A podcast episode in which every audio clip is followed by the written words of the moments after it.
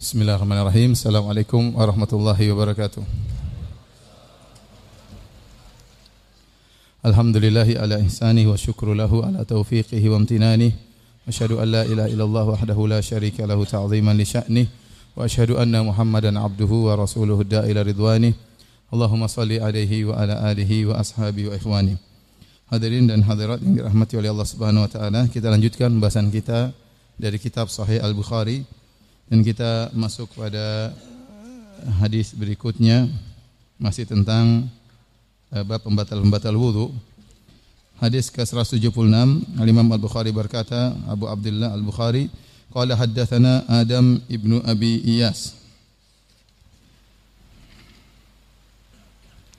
Qala haddatsana ibnu Abi Dhi'b an Sa'id Al-Maqburi an Abi Hurairah radhiyallahu anhu qala dari Abu Hurairah radhiyallahu anhu beliau berkata qala Nabi sallallahu alaihi wasallam Nabi sallallahu alaihi wasallam bersabda la yazalul abdu fi salatin ma kana fil masjid yantadhiru salata ma lam yuhdith. Bahwasanya seorang hamba dihitung tetap dalam salat selama dia di masjid dalam rangka menunggu salat berikutnya dengan syarat selama dia tidak berhadas saya ulangi seorang hamba fi salat dia berada dalam salat pahala terus argo pahala terus mengalir selama dia di masjid menunggu salat berikutnya. Malam yuhdith selama dia tidak berhadas faqala rajulun a'jami ada seorang laki a'jami. A'jami itu bisa jadi bukan orang Arab atau bisa jadi orang Arab namun dia tidak fasih dalam berkata-kata berbahasa Arab. Maka dia berkata mal hadatsu ya Abu Hurairah? Apa yang dimaksud dengan hadas dalam hadis ini wahai Abu Hurairah? Qala as-saut yakni dartah yaitu dia buang angin ya. Dartah maksudnya buang angin yang ada bunyinya ya. Dalam bahasa Arab ada al-fusa wal dhurrat ya. Kalau fusa itu buang angin tanpa ada suara suaranya halus tidak terdengar. Adapun dhurrat yaitu suaranya terdengar. Di sini Abu Hurairah waktu ditanya selama dia tidak berhadas apa maksudnya selama dia tidak berhadas? Padahal kita tahu namanya orang di masjid hadasnya bisa macam-macam. Bisa jadi dia buang angin bisa jadi dia apa namanya buang air kecil ya. Atau dia buang air besar ya. Tetapi Abu Hurairah maksudnya hadas yang biasa terjadi tatkala seorang di masjid ya. Dan hadas yang terjadi tatkala seorang uh, menunggu salat atau sedang di masjid atau sedang dalam salat atau sedang dalam salat jadi hadas yang sering terjadi tatkala orang sedang dalam salat atau di masjid biasanya adalah buang angin. Adapun kalau orang buang air besar buang air kecil dia pasti keluar masjid. Dia pasti keluar masjid. Adapun hadas buang angin bisa jadi terjadi saat kalau seorang dalam masjid. Jadi bukan maksud Abu Hurairah membatasi hadas hanya dengan sekedar buang angin. Tetapi maksudnya adalah hadas yang sering terjadi tatkala di dalam masjid karena kalau buang air besar buang air kecil orang keluar masjid. Atau hadas yang terjadi tatkala orang sedang salat. Makanya beliau menafsirkan waktu ditanya apa hadas yang dimaksud? Maksudnya buang buang angin. Kemudian kita lanjutkan hadis berikutnya hadis 177 Al-Imam Al-Bukhari Abu Abdullah rahimahullahu berkata qala haddatsana Abu Walid qala haddatsana Ibnu Uyainah an Az-Zuhri an Abbad bin Tamim an ammihi anin Nabi sallallahu alaihi wasallam qala. Dari Nabi sallallahu alaihi wasallam beliau bersabda la yansarif hatta yasma'a sautan aw yajida riha. Jangan dia berpaling atau jangan dia tinggalkan jangan dia batalkan salatnya sampai dia mendengar suara atau dia mencium bau. Ya, ini uh, hadis ini keluar konteksnya tatkala ada seorang bertanya kepada Nabi sallallahu alaihi wasallam tentang ar-rajula yukhayyalu ilaihi annahu yajidu syai'a fi salatihi. Ada seorang dikhayalkan tatkala dia sedang salat, dia mendapatkan sesuatu dalam salatnya. Artinya dia seakan-akan ada angin yang berhembus. Seakan-akan dia buang angin, namun dia tidak yakin akan hal tersebut. Ya, makanya dia ragu, dihayalkan. Artinya kayaknya terjadi tapi dia tidak bisa memastikan apakah benar-benar keluar angin atau tidak. Maka Nabi SAW waktu ditanya tentang hal ini, jawaban Nabi SAW, la yang sarif, jangan dia batalkan solatnya, hatta yasma'a sautan aw yajidariha. Sampai dia eh, mendengar suara atau dia mencium uh, bau ya. Dan ini sering disampaikan bahwa ini adalah salah satu dalil yang kuat yang menyebutkan kaidah yang sangat agung salah satu daripada lima al-qawaid al-fiqhiyah al-kubra ada lima kaidah raksasa kaidah fikih Di antaranya al yakin la yazulu bisyak. Bahwasanya keyakinan tidak bisa dihilangkan dengan keraguan. Tatkala seorang masuk dalam solatnya dalam kondisi yakin dia dalam kondisi bersuci, kemudian dia solat, tiba-tiba di tengah solatnya dia ragu apakah dia kentut atau tidak. Maka Nabi mengajarkan kaidah selama itu masih keraguan maka jangan batalkan solatnya. Sampai timbul keyakinan berikutnya. Keyakinan hanya bisa dibatalkan dengan apa? Keyakinan. Keyakinan tidak bisa dikalahkan dengan keraguan. Engkau masuk dalam solat dalam kondisi yakin bahwasanya engkau dalam kondisi bersuci.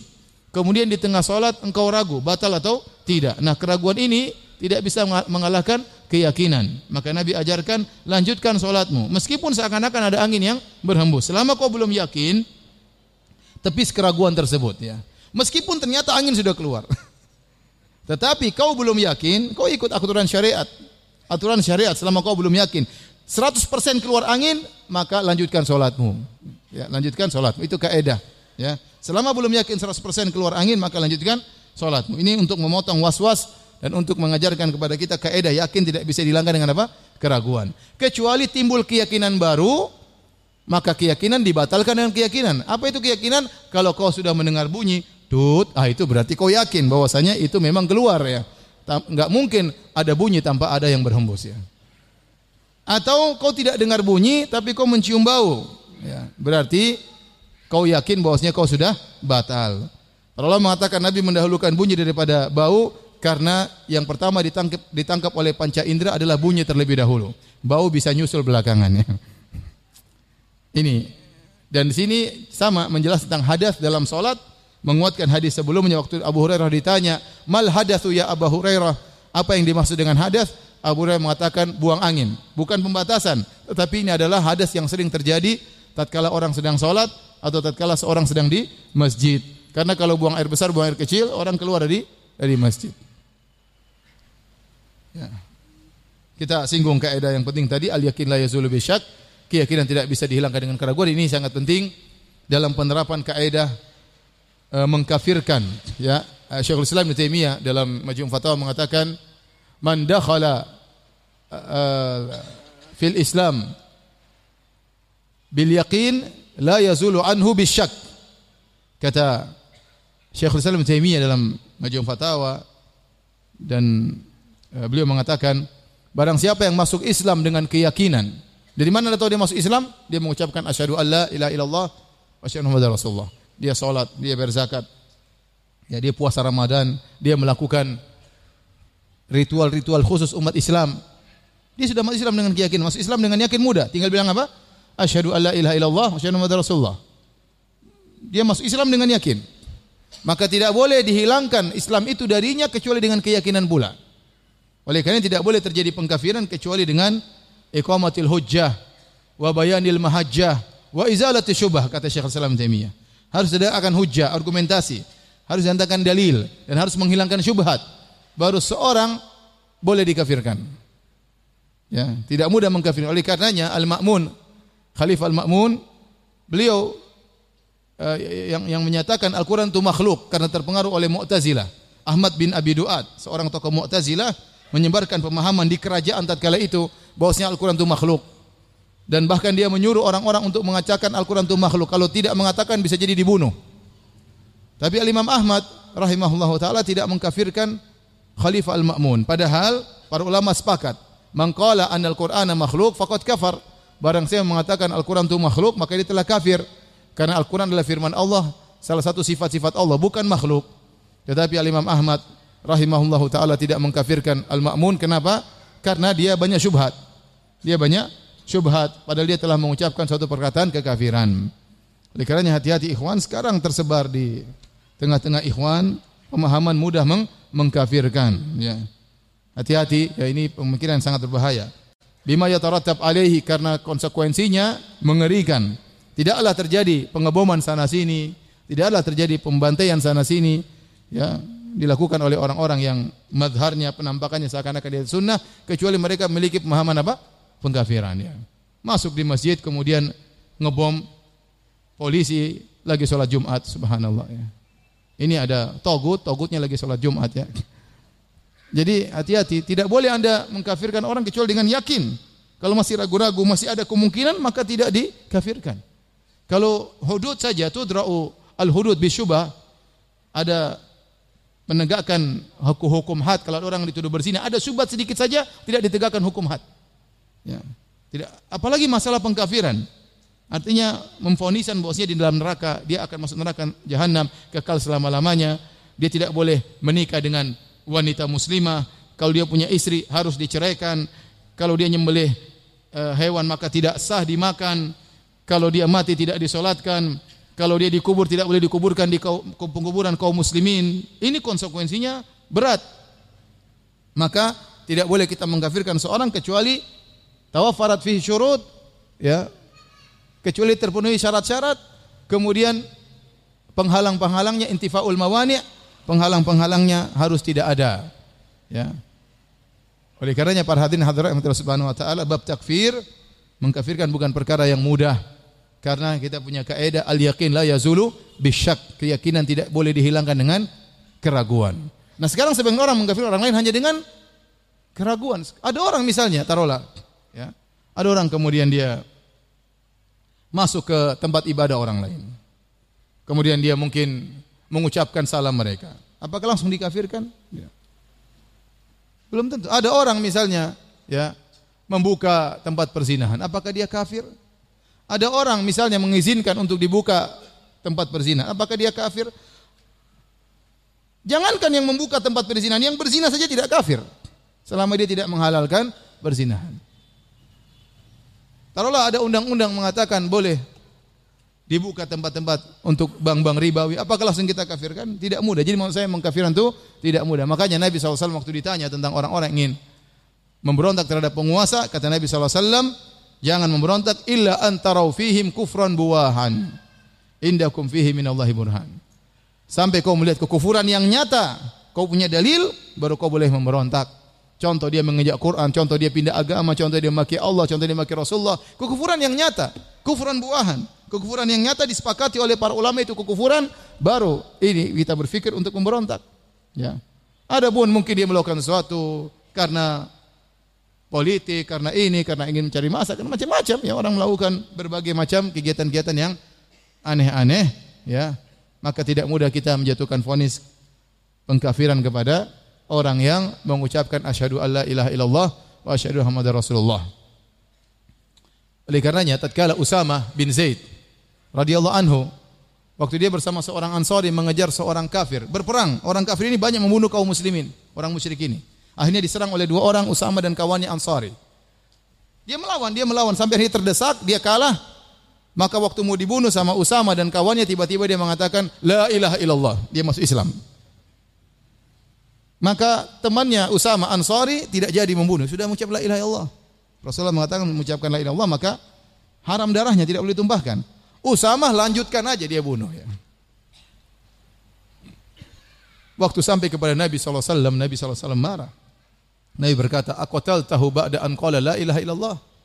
Wahai Usama, apa kau membunuhnya setelah dia mengucapkan la ilaha illallah? Kata Usama, ya Rasul, dia ingin membela diri aja, ingin menyelamatkan dirinya. Dan tohirnya dia ingin menyelamatkan diri. Ya atau tidak?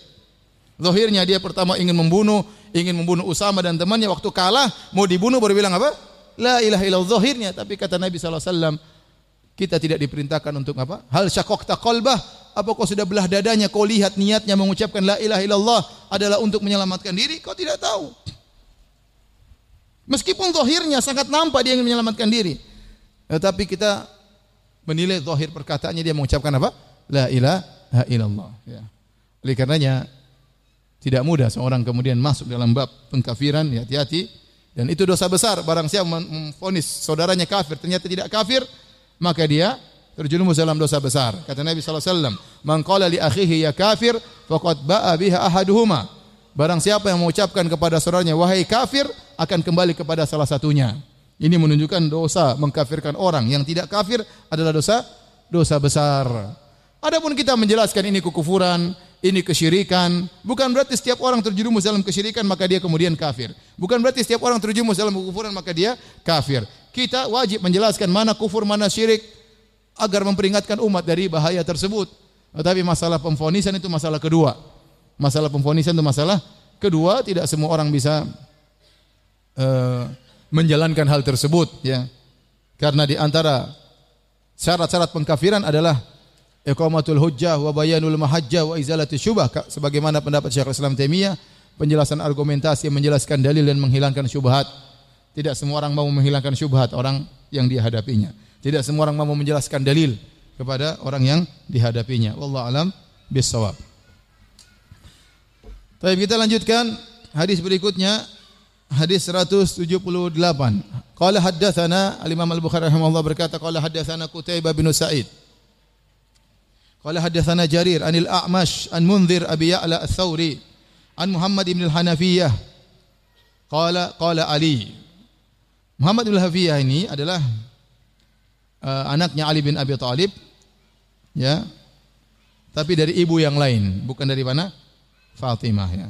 Bukan dari Fatimah radhiyallahu taala uh, anha. Adapun dari Fatimah Hasan Husain ya.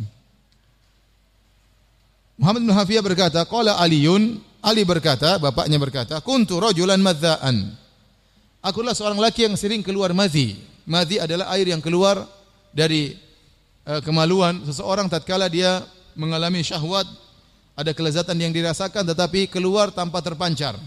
Adapun air mani keluar dengan ejakulasi ya mimma'in dafiq dengan apa namanya uh, falyanzuril insanu mimma khuliq khuliqa mimma'in dafiq. Hendaknya manusia melihat dari mana dia diciptakan.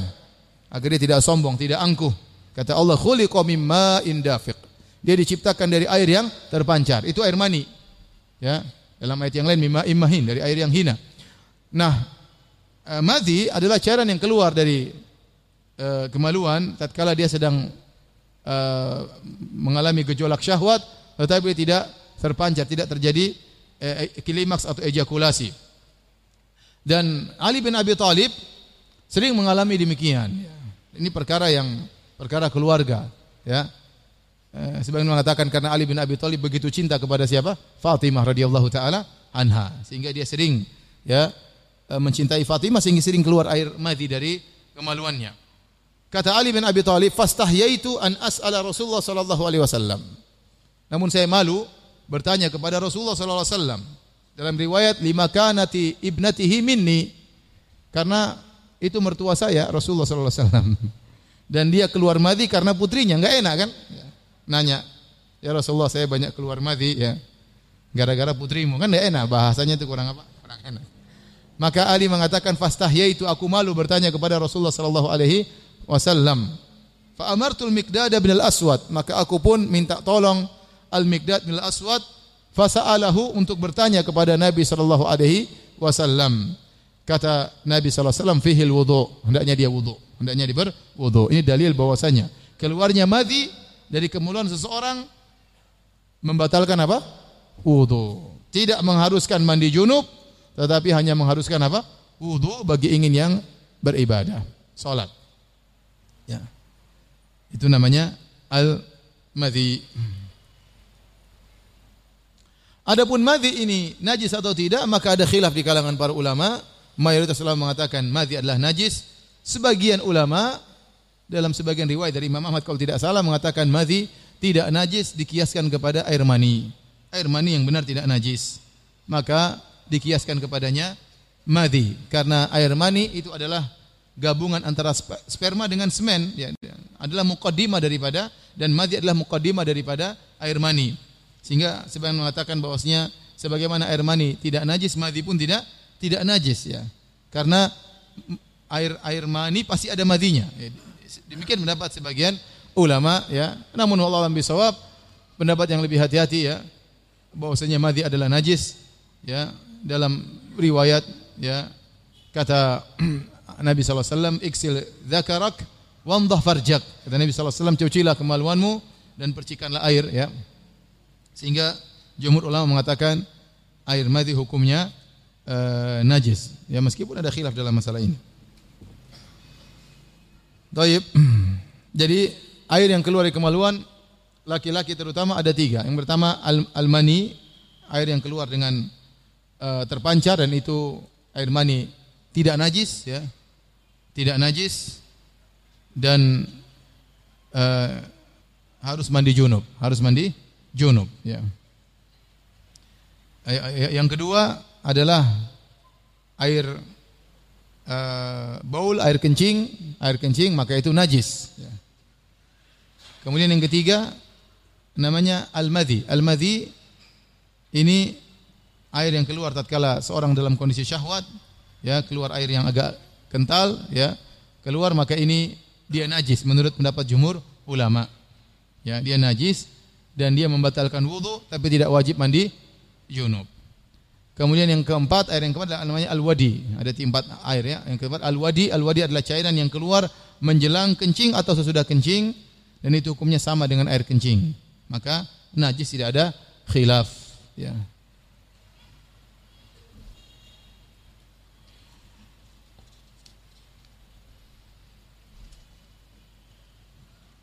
Taib kita lanjutkan hadis berikutnya hadis 179.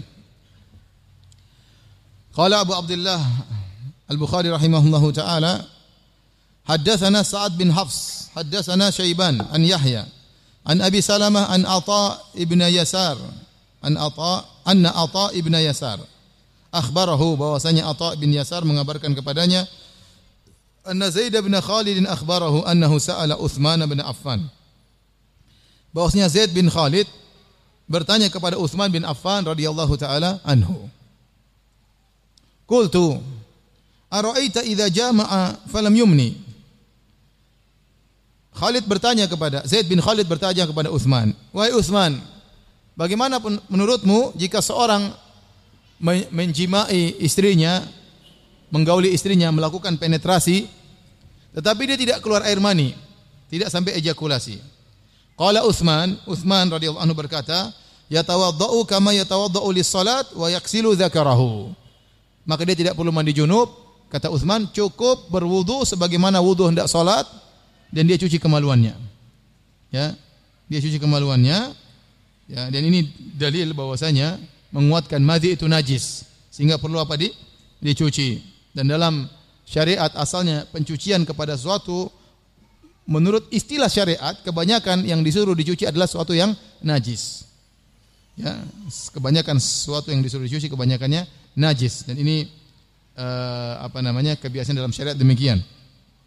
Jadi cukup mencuci kemaluannya dan berwudu. Qala Utsman, kemudian Utsman radhiyallahu anhu berdalil dengan fatwanya tersebut. Sami'tuhu min Rasulillah sallallahu alaihi wasallam. Saya berkata demikian karena saya mendengar jawaban ini dari siapa? Dari Nabi sallallahu alaihi wasallam.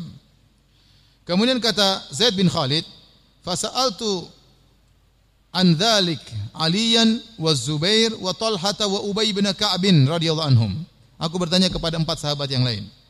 Ali bin Abi Thalib, Zubair bin Awam, Talha dan Ubay bin Ka'ab. Semoga Allah meridhai mereka seluruhnya. Fa amaru bidzalik, fa amaruhu bidzalik. Dan semuanya sama jawabannya, yaitu mencuci kemaluan dan apa? Berwudu. Cuci kemaluan dan dan berwudu. Ini ini hukum ini sudah uh, mansuh. Ini di awal Islam. Di awal Islam. Setelah itu mansuh sehingga seorang yang menjimai istrinya sudah melakukan penetrasi idal taqal khitanani sudah bertemu tempat dua sunat.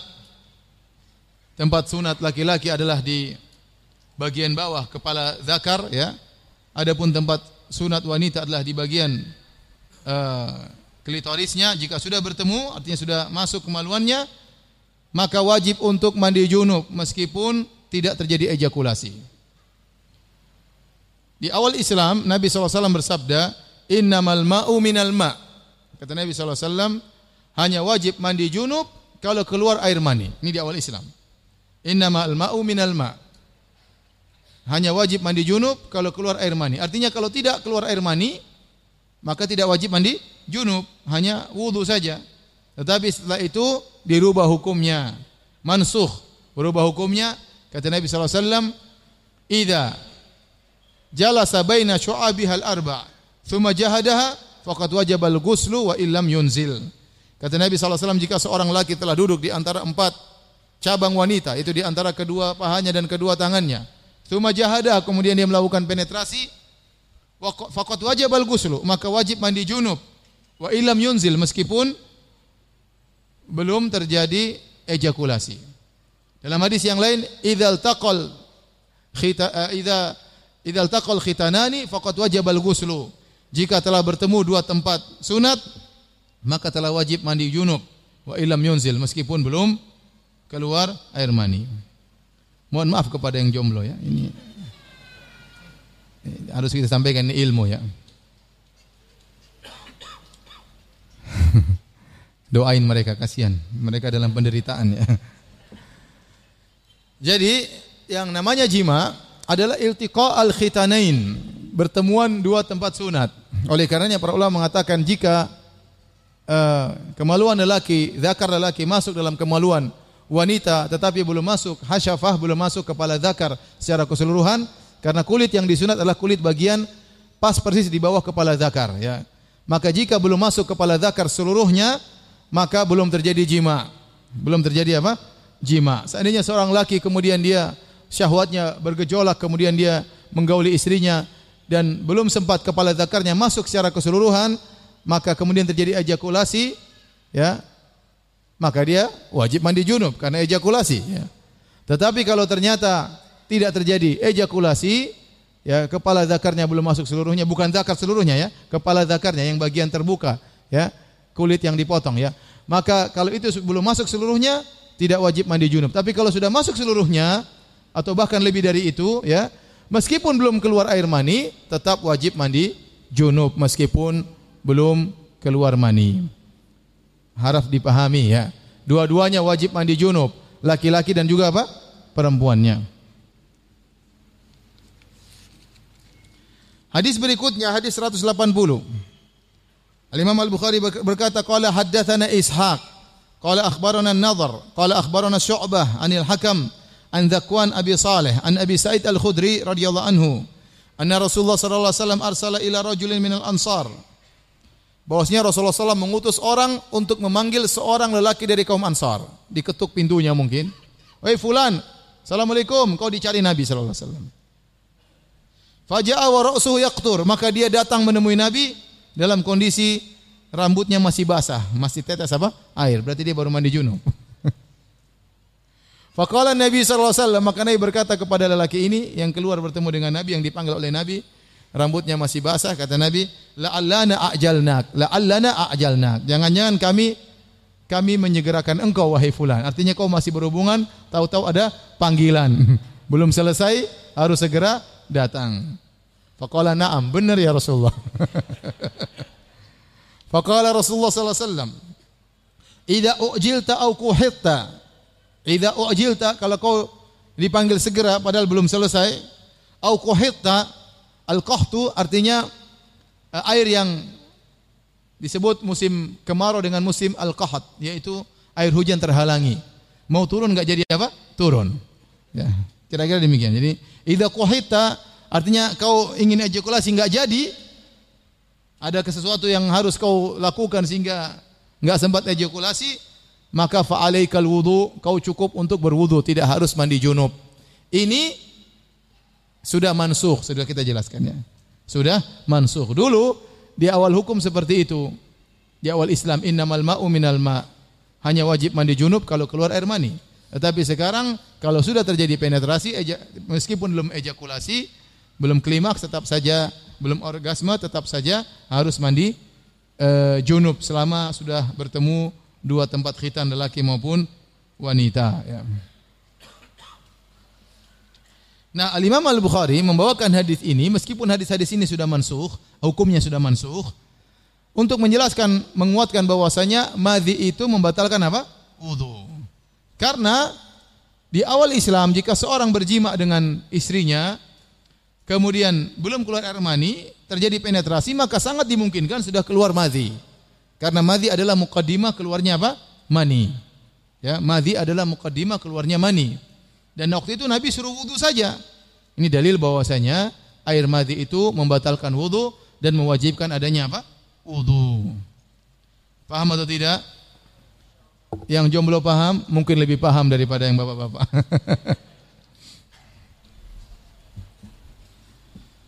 Baik, kita lanjutkan. Babur rajul yuwaddi'u sahibahu. bab tentang seseorang yang mewudukan kawannya. Ya. Dia yang usapkan tangannya, dia yang usapkan wajahnya, ya. dia yang mewudukan. Seperti kalau ada orang sakit, maka dia mewudukan orang tersebut. Bagaimana? Ya, apakah sunnah atau tidak? Kalau boleh boleh. Tetapi apakah sunnah dianjurkan? Itu yang jadi pembahasan. Al-Imam Al-Bukhari berkata, Qala haddathani Ibnu Salam. Qala akhbarana Yazid bin Harun. An Yahya an Musa bin Uqbah an Quraib maula Ibni Abbas. An Usamah ibni Zaidin. Di sini Ibnu Abbas meriwayatkan dari Usama. Karena Ibnu Abbas adalah sahabat uh, junior dan Us Usama juga sahabat junior ya. Ibnu Abbas meriwayatkan dari sahabat meriwayatkan dari sahabat yang lain Usama bin Zaid. Kata Usama bin Zaid, "Anna Rasulullah sallallahu alaihi wasallam lamma afadha an min Arafata adala ila ila Syi'ab." Waktu Nabi sallallahu alaihi wasallam meninggalkan padang Arafah menuju ke Muzdalifah. Di tengah perjalanan Nabi belok ke Syi'ib. Syi'ib adalah jalan di antara pegunungan. Kalau antum pergi ke Arafah menuju ke Muzdalifah, antum akan lihat situ banyak gunung-gunung. Ya. Disebut dengan Tariq al-Ma'zamain, yaitu jalan yang di kanan kirinya gunung. Terus antara Arafah menuju Muzdalifah, di situ ada jalan yang sebelah kanan gunung, sebelah kiri gunung. Begitu sampai di penghujung jalan tersebut sampailah ke Muzdalifah. Ya, di gunung-gunung situ ada salah jalan-jalan ya. Jadi Asy'ab adalah jalan di sela-sela gunung. Maka Nabi waktu berjalan dari Arafah menuju ke Muzdalifah kira-kira 7 kilo ya.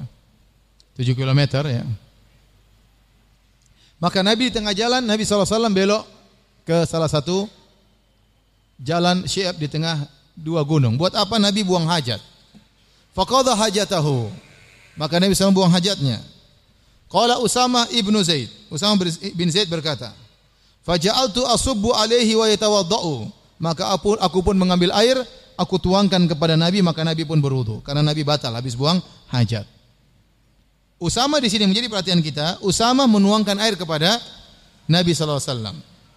Fakultu ya Rasulullah, aku berkata wahai Rasulullah, atusalli Kau ingin sholat maghrib di sini, di tengah jalan antara padang Arafah sampai ke Muzdalifah karena Nabi keluar dari padang Arafah setelah matahari terbenam.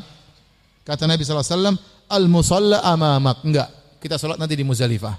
Oleh karena disunahkan bagi orang yang berhaji, tatkala meninggalkan padang Arafah, untuk menjamak maghrib dan isya di Muzdalifah. Menjamak maghrib dan isya di Muzdalifah. Ya. Jamak takhir kalau dia sampai tatkala waktu isya, kalau dia sampai Ketika waktu maghrib dia boleh jamak takdim. Intinya dia solatnya di Muzdalifah. Ini masuk dalam fikih fikih haji ya. Yang menjadi perhatian di sini ya. Usama apakah mewudukan Nabi? Tidak. Usama hanya menuangkan air buat siapa?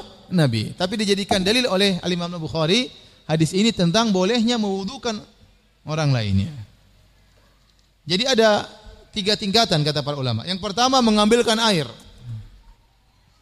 Minta tolong orang lain mengambilkan air. Yang kedua menuangkan air. Yang ketiga mewudukan ya. Kalau mengambilkan air oke okay ada sunnahnya. Usama mengambilkan air buat siapa? Nabi SAW. Kalau menuangkan air juga ada sunnahnya. Boleh seorang menuangkan kepada orang alim atau kepada penguasa, kepada pemimpin, nuangkan air untuk berwudu temannya. Tidak apa-apa. Membantu hal ini tidak jadi masalah. Tetapi yang ketiga, mewudukan ini tidak ada dalilnya dalam hadis ini. Oleh karenanya untuk masalah ini Ibnu Hajar tidak sepakat dengan Imam Bukhari. Kebiasaan Ibnu Hajar tatkala menyarah Fathul Bari, dia selalu membela Imam Al-Bukhari. Sehingga kalau ada orang tidak paham dia katakan kamu yang tidak paham, yang benar begini. Kok Imam Bukhari berdalil? Karena Imam Bukhari itu dikatakan fiqhul Bukhari fi abwabihi. Fikihnya Imam Bukhari, cerdasnya Imam Bukhari itu nampak dalam tabwib tabwibabnya. Tatkala dia membuat judul. Judul begini, orang-orang kadang bingung dari mana dia mengambil kesimpulan. Banyak orang tidak paham dari mana Imam Bukhari mengambil kesimpulan. Itu tugasnya Ibnu Hajar untuk menjelaskan. Jadi dia selalu membela Imam Bukhari, selalu. Ya, tapi dalam bab ini dia mengatakan pendalilan Imam Bukhari kurang kuat, tidak pas dengan judul dengan dalil kurang pas. Sebenarnya mengatakan Imam Bukhari maksudnya sebagaimana dibolehkan tolong menolong dalam wudu boleh ditolong untuk diambilkan air, boleh ditolong untuk menuangkan air, maka demikian juga boleh ditolong untuk mewudukan. Ini pendapat sebagian ulama yang membela Imam Bukhari. Tapi Allah alam bisawab, demikian kata Al-Hafidh Hajar bahwasanya uh, kurang pas. Ya. Hadis berikutnya pun demikian. Sama kira-kira pendalilannya. Kata Al-Imam Al-Bukhari, Qala haddathana Amr bin Ali. Qala hadatsana Abdul Wahab. Qala sami'tu Yahya bin Sa'id. Qala akhbarani Sa'id Sa'ad ibn Ibrahim. Anna Nafi' ibn Jubair bin Mut'im akhbarahu. Annahu sami'a Urwah bin Al-Mughirah bin Syu'bah yuhaddith. Anil Mughirah bin Syu'bah dari sahabat Mughirah bin Syu'bah radhiyallahu anhu. Annahu kana ma'a Rasulillah sallallahu alaihi wasallam fi safarin. Suatu hari Al-Mughirah bin Syu'bah bersama Nabi dalam satu safar. Wa annahu dhahaba li hajatin lahu Kemudian Nabi pergi karena ada suatu hajat. Wa anna Mughirah ja'ala yasubbul ma'a alaihi wa huwa yatawadda. Maka setelah itu Nabi mungkin setelah buang hajat atau kebutuhan yang lain, maka Mughirah pun menuangkan air kepada Nabi dan Nabi berwudu. Faghasala wajahahu wa yadayhi, maka Nabi pun mencuci wajahnya, mencuci kedua tangannya, wa masah bi ra'sihi. Dan Nabi mengusap kepalanya, wa masah al khuffain. Dan Nabi mengusap kedua khufnya. Tidak dicuci kepalanya dan tidak dicuci dua khufnya, cuma diusap. Ini sama, dalilnya tegas bahwasanya boleh seorang menuangkan air kepada orang lain untuk berwudu. Tapi kalau mewudukan orang kurang pas, bagaimana dikatakan oleh Ibnu Hajar rahimahullahu taala. Tapi kita lanjutkan pembahasan berikutnya. Masih kuatkah? Belum hang. Bab berikutnya bab babun qiraatul Qur'ani ba'dal hadathi wa ghairihi. Bab membaca Al-Qur'an setelah berhadas dan setelah yang lainnya. Jadi bolehkah seorang baca Quran dalam kondisi tidak berwudu? Habis buang angin dia baca Quran. Habis dia buang air kecil, habis dia buang air besar dia baca Quran. Boleh atau tidak? Ya. Boleh atau tidak? Wa qala Mansur an Ibrahim la ba'sa bil qiraati fil hammam. Ibrahim berkata, tidak mengapa baca Quran dalam hammam. Hammam itu kamar mandi. Kamar mandi tapi bukan buat buat air buang air bukan, tapi buat mandi. Yang dulu namanya hammam. Hammamat itu tempat untuk buat mandi. Ya. Jadi tidak ada buang air besar di situ, tidak ada, tidak ada toilet di situ, ya. Ya, tapi eh, apa namanya hammam, tempat mandi. Dia mengatakan tidak mengapa baca Quran dalam hammam. Ini pendapat salaf. Ya. Ibrahim An-Nakhai adalah seorang tabi'in. Dia yang berkata. Ibrahim An-Nakhai seorang tabi'in. Dia mengatakan la ba'sa bil qira'ah fil hammam. Tidak mengapa baca Quran tatkala dalam kamar mandi. Kemudian dia berkata, wa yaktubu risalata ala ghairi wudu'in dan tidak mengapa dia tulis surat meskipun tidak berwudu. Dalam surat ada bismillahirrahmanirrahim.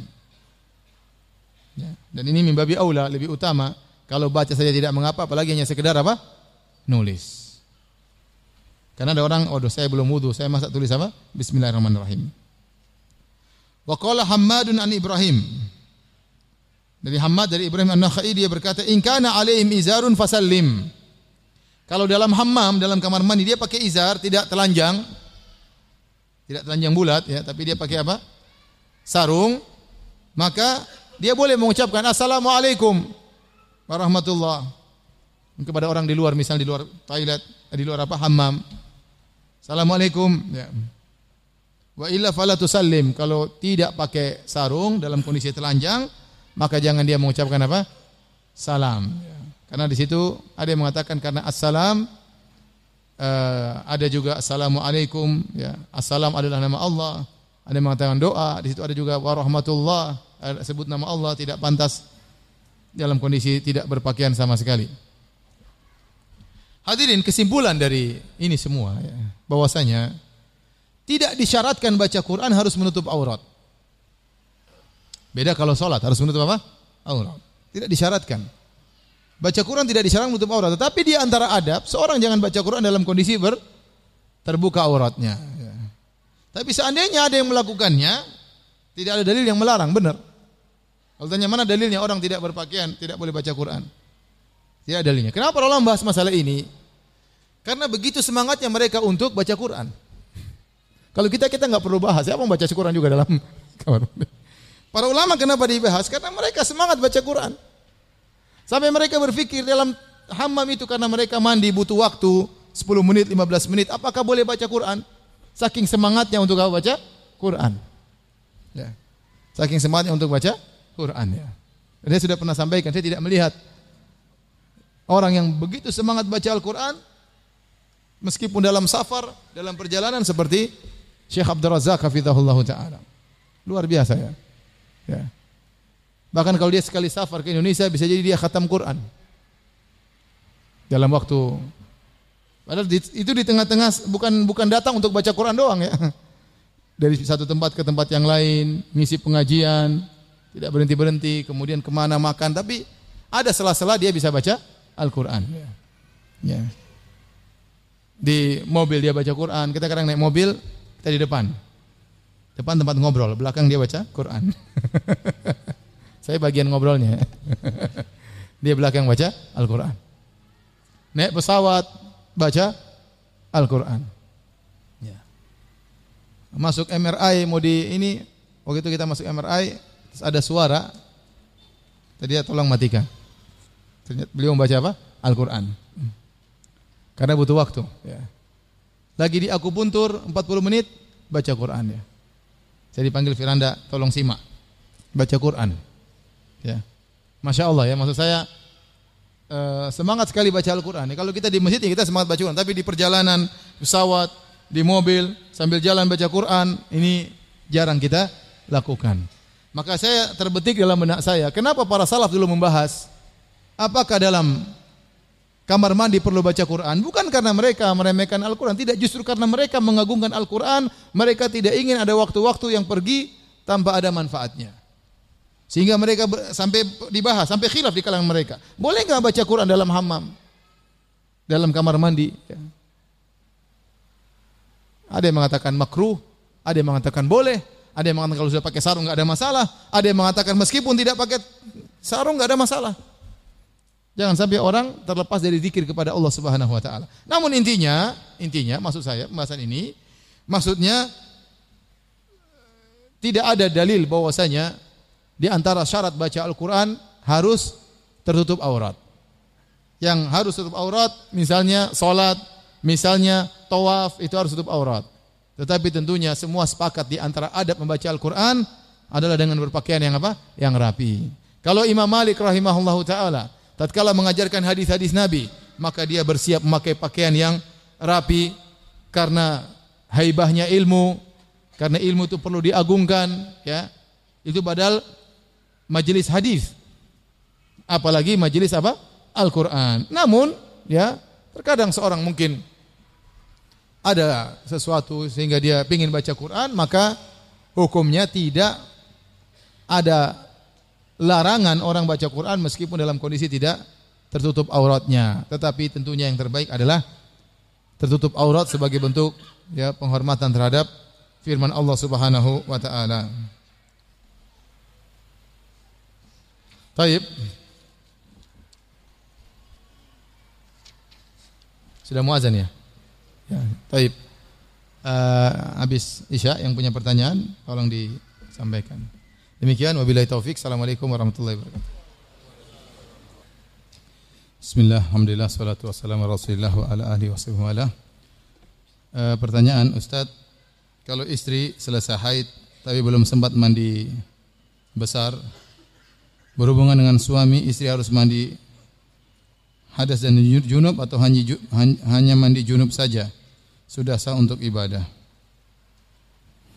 Intinya kalau seorang wanita kemudian dia haid dan sudah suci maka dia mandi janabah untuk menghilangkan hadas besarnya karena haid hadas besar. Kalau dia sudah niatkan untuk menghilangkan hadas besar, maka dia sudah boleh beribadah karena hadas besar dan hadas kecil terangkat secara otomatis. Begitu dia selesai mandi besar, dia langsung boleh sholat. Ya. Kalau dia dalam mandi mandi junubnya itu dia berwudu, bagus karena itu sunnah. Tapi seandainya dia tidak berwudu, yang penting dia niatkan mandi untuk membersihkan mengangkat hadas besarnya, maka otomatis dia sudah suci dan dia boleh untuk langsung salat ya, langsung salat. Hal ini berbeda dengan mandi sunnah. Mandi sunnah seperti mandi Jumat misalnya ya. Maka itu seorang karena dia tidak mengangkat hadas, dia hanya sekedar mandi sunnah, maka kalau dia ingin sholat dia harus berwudu, dia harus berwudu. Ya. Adapun mandi besar karena junub misalnya atau karena haid, karena nifas ya maka kalau seorang sudah berniat untuk mandi besar maka otomatis hadas besarnya hilang, otomatis juga hadas kecilnya hilang maka dia bisa langsung sholat.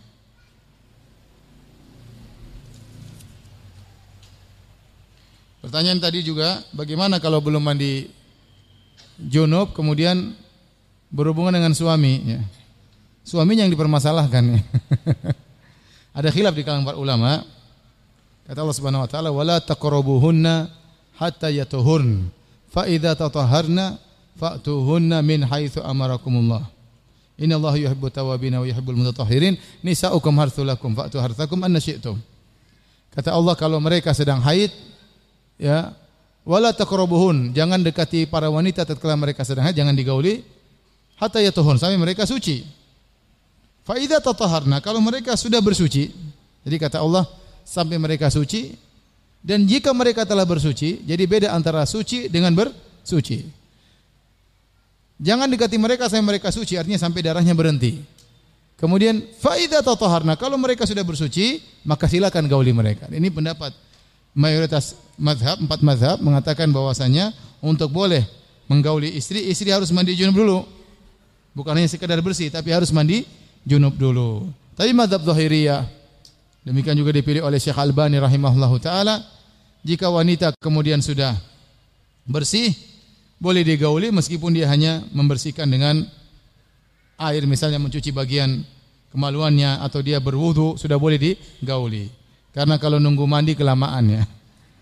Eh, dibolehkan menurut pendapat Zahiriyah dan pendapat Syekh Albani rahimahullah taala. Namun Pendapat yang lebih hati-hati adalah pendapat jumhur ulama. Maka selain bersuci harus apa? Bertatahar. Bertatahur itu di situ bagi bersuci bagi orang yang junub adalah dengan mandi mandi junub. Baru boleh digauli ya. Jadi suaminya yang dipertanyakan, ya. sabar.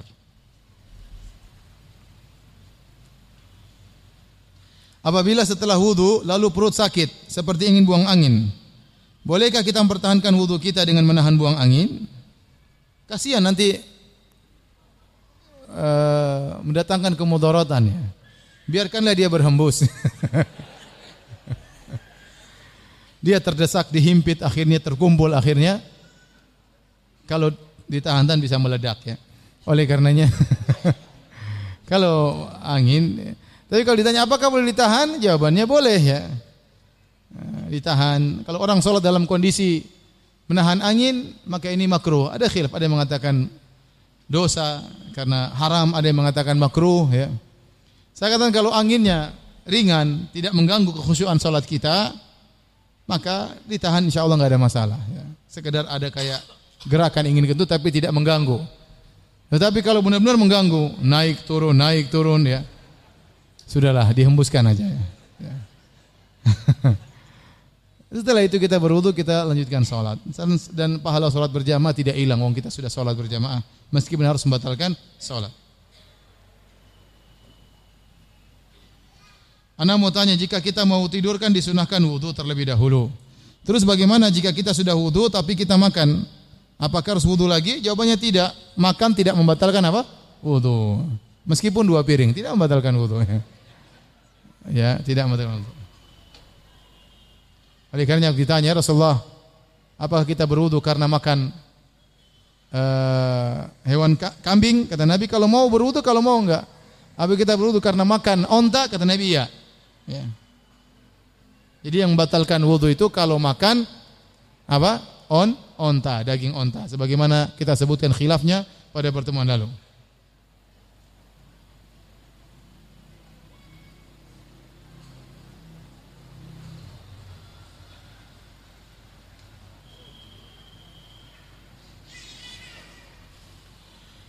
Apabila darah yang keluar dari wanita yang sedang haid itu membatalkan wudhu, lalu apakah berwudhu itu sia-sia? Iya. Yang benar bahwasanya wanita haid tidak perlu apa? Berwudhu ya. Karena dia wudhu tidak ada uh, faedahnya ya. Ya. Karena haid itu uh, apa namanya? waktu hadasnya panjang. Sebagian berpendapat dikiaskan dengan junub. Sebagaimana kalau orang junub sebelum tidur boleh berwudu dan sunnahnya demikian, maka haid juga kalau mau tidur berwudu. Namun ini kias yang tidak benar ya. Karena berbeda ya. Tidak ada dalil tentang hal tersebut padahal wanita di zaman Nabi begitu banyak yang haid namun Nabi tidak menganjurkan mereka untuk berwudu sebelum apa? Sebelum tidur ya. Jadi yang dianjurkan untuk berwudu sebelum tidur meskipun orang yang junub. Kalau dia tidak ingin mandi, airnya tidak ada atau dia takut kedinginan, maka dianjurkan dia berwudu ya. Namun ini tidak berlaku bagi wanita haid. Wallahu alam bisawab. Ini sama. Jika sholat tapi kebelet kentut, apa boleh nahan kentut? Kalau tanggung mungkin tidak apa-apa ya. Ntar lagi imam salam. tapi kalau rakaat pertama sudah nahan kentut ya mending dihembuskan aja ya. Kalau nahan kentut kadang jadi bunyi ke perut, kentutnya ke dalam. Apakah batal wudhu? Enggak. Selama kentutnya ke dalam, itu namanya bukan kentut ya. Kentut itu kalau keluar.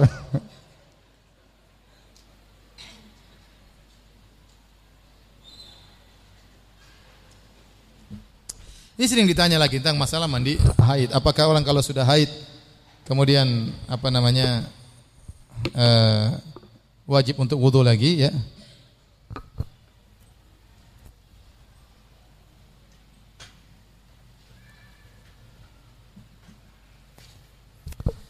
Jadi ikhwan dan akhwat mandi ada dua. Ya.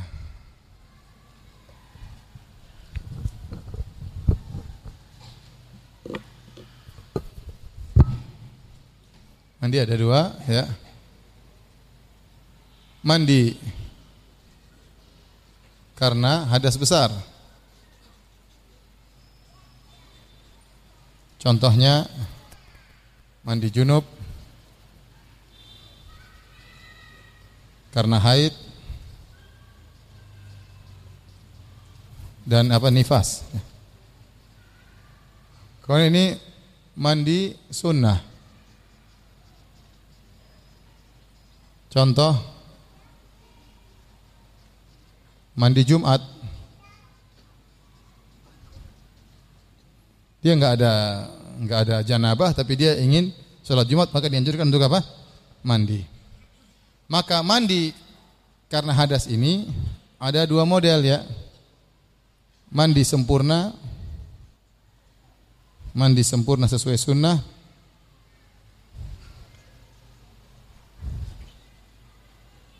Yang isinya Wudu dulu baru mandi. Baru mandi. Kemudian mandi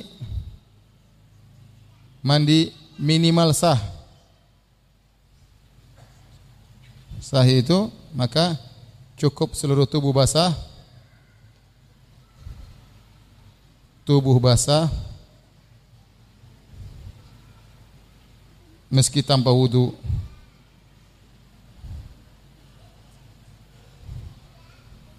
Maka untuk mandi sunnah, contoh mandi Jumat, ya, ini tidak mengangkat hadas. Ini tidak mengangkat hadas.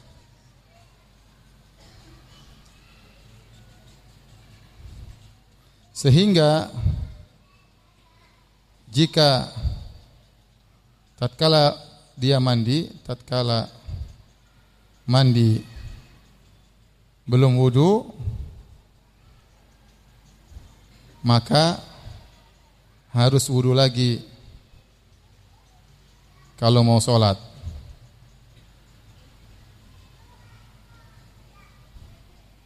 Dia hanya mandi. Kalau dia mau sholat ya harus wudu karena waktu dia mandi dia tidak apa? Wudu. Tapi kalau dia mandi sunnah kemudian dia berwudu, sebagaimana mandi janabah, ya sudah. Paham? Berarti dia sudah apa? Sudah wudu. Paham? Adapun mandi besar, kalau dia mandi sempurna sesuai dengan sunnah wudu dulu, kemudian basuh kepala dulu, kemudian basuh kanan, basuh kiri, maka langsung aja sholat karena dia sudah apa? Wudu juga. Ini langsung sholat. Nah kalau yang mandi ini, mandi minimalis, yang penting sah. Bismillah jebur keluar sah. ya. Itu namanya mandi minimalis. Tidak perlu wudu-wudu nggak apa-apa. Karena wudu itu hanyalah sunnah dalam mandi besar. Nah, kalau dia mandi besar tanpa wudu, tetap saja boleh juga langsung apa? Langsung sholat. Kenapa? Karena mandinya sah dan telah terangkat kalau sah telah terangkat hadasnya. Paham ya? Paham. Jadi kalau sudah mandi besar, mau wudhu atau enggak wudhu, boleh langsung apa? Salat. Ya, terkadang kita buru-buru, enggak sempat jalankan sunnah atau air terbatas, ya. langsung aja mandi, langsung sholat enggak ada masalah ya. Ini kira-kira tentang masalah mandi. Demikian saja kajian kita. Insya Allah kita lanjutkan pekan depan. Bismillahirrahmanirrahim. Subhanakallah bihamdik. Asyhadu alla ilaha anta. Astagfirullahaladzim. Assalamualaikum warahmatullahi wabarakatuh.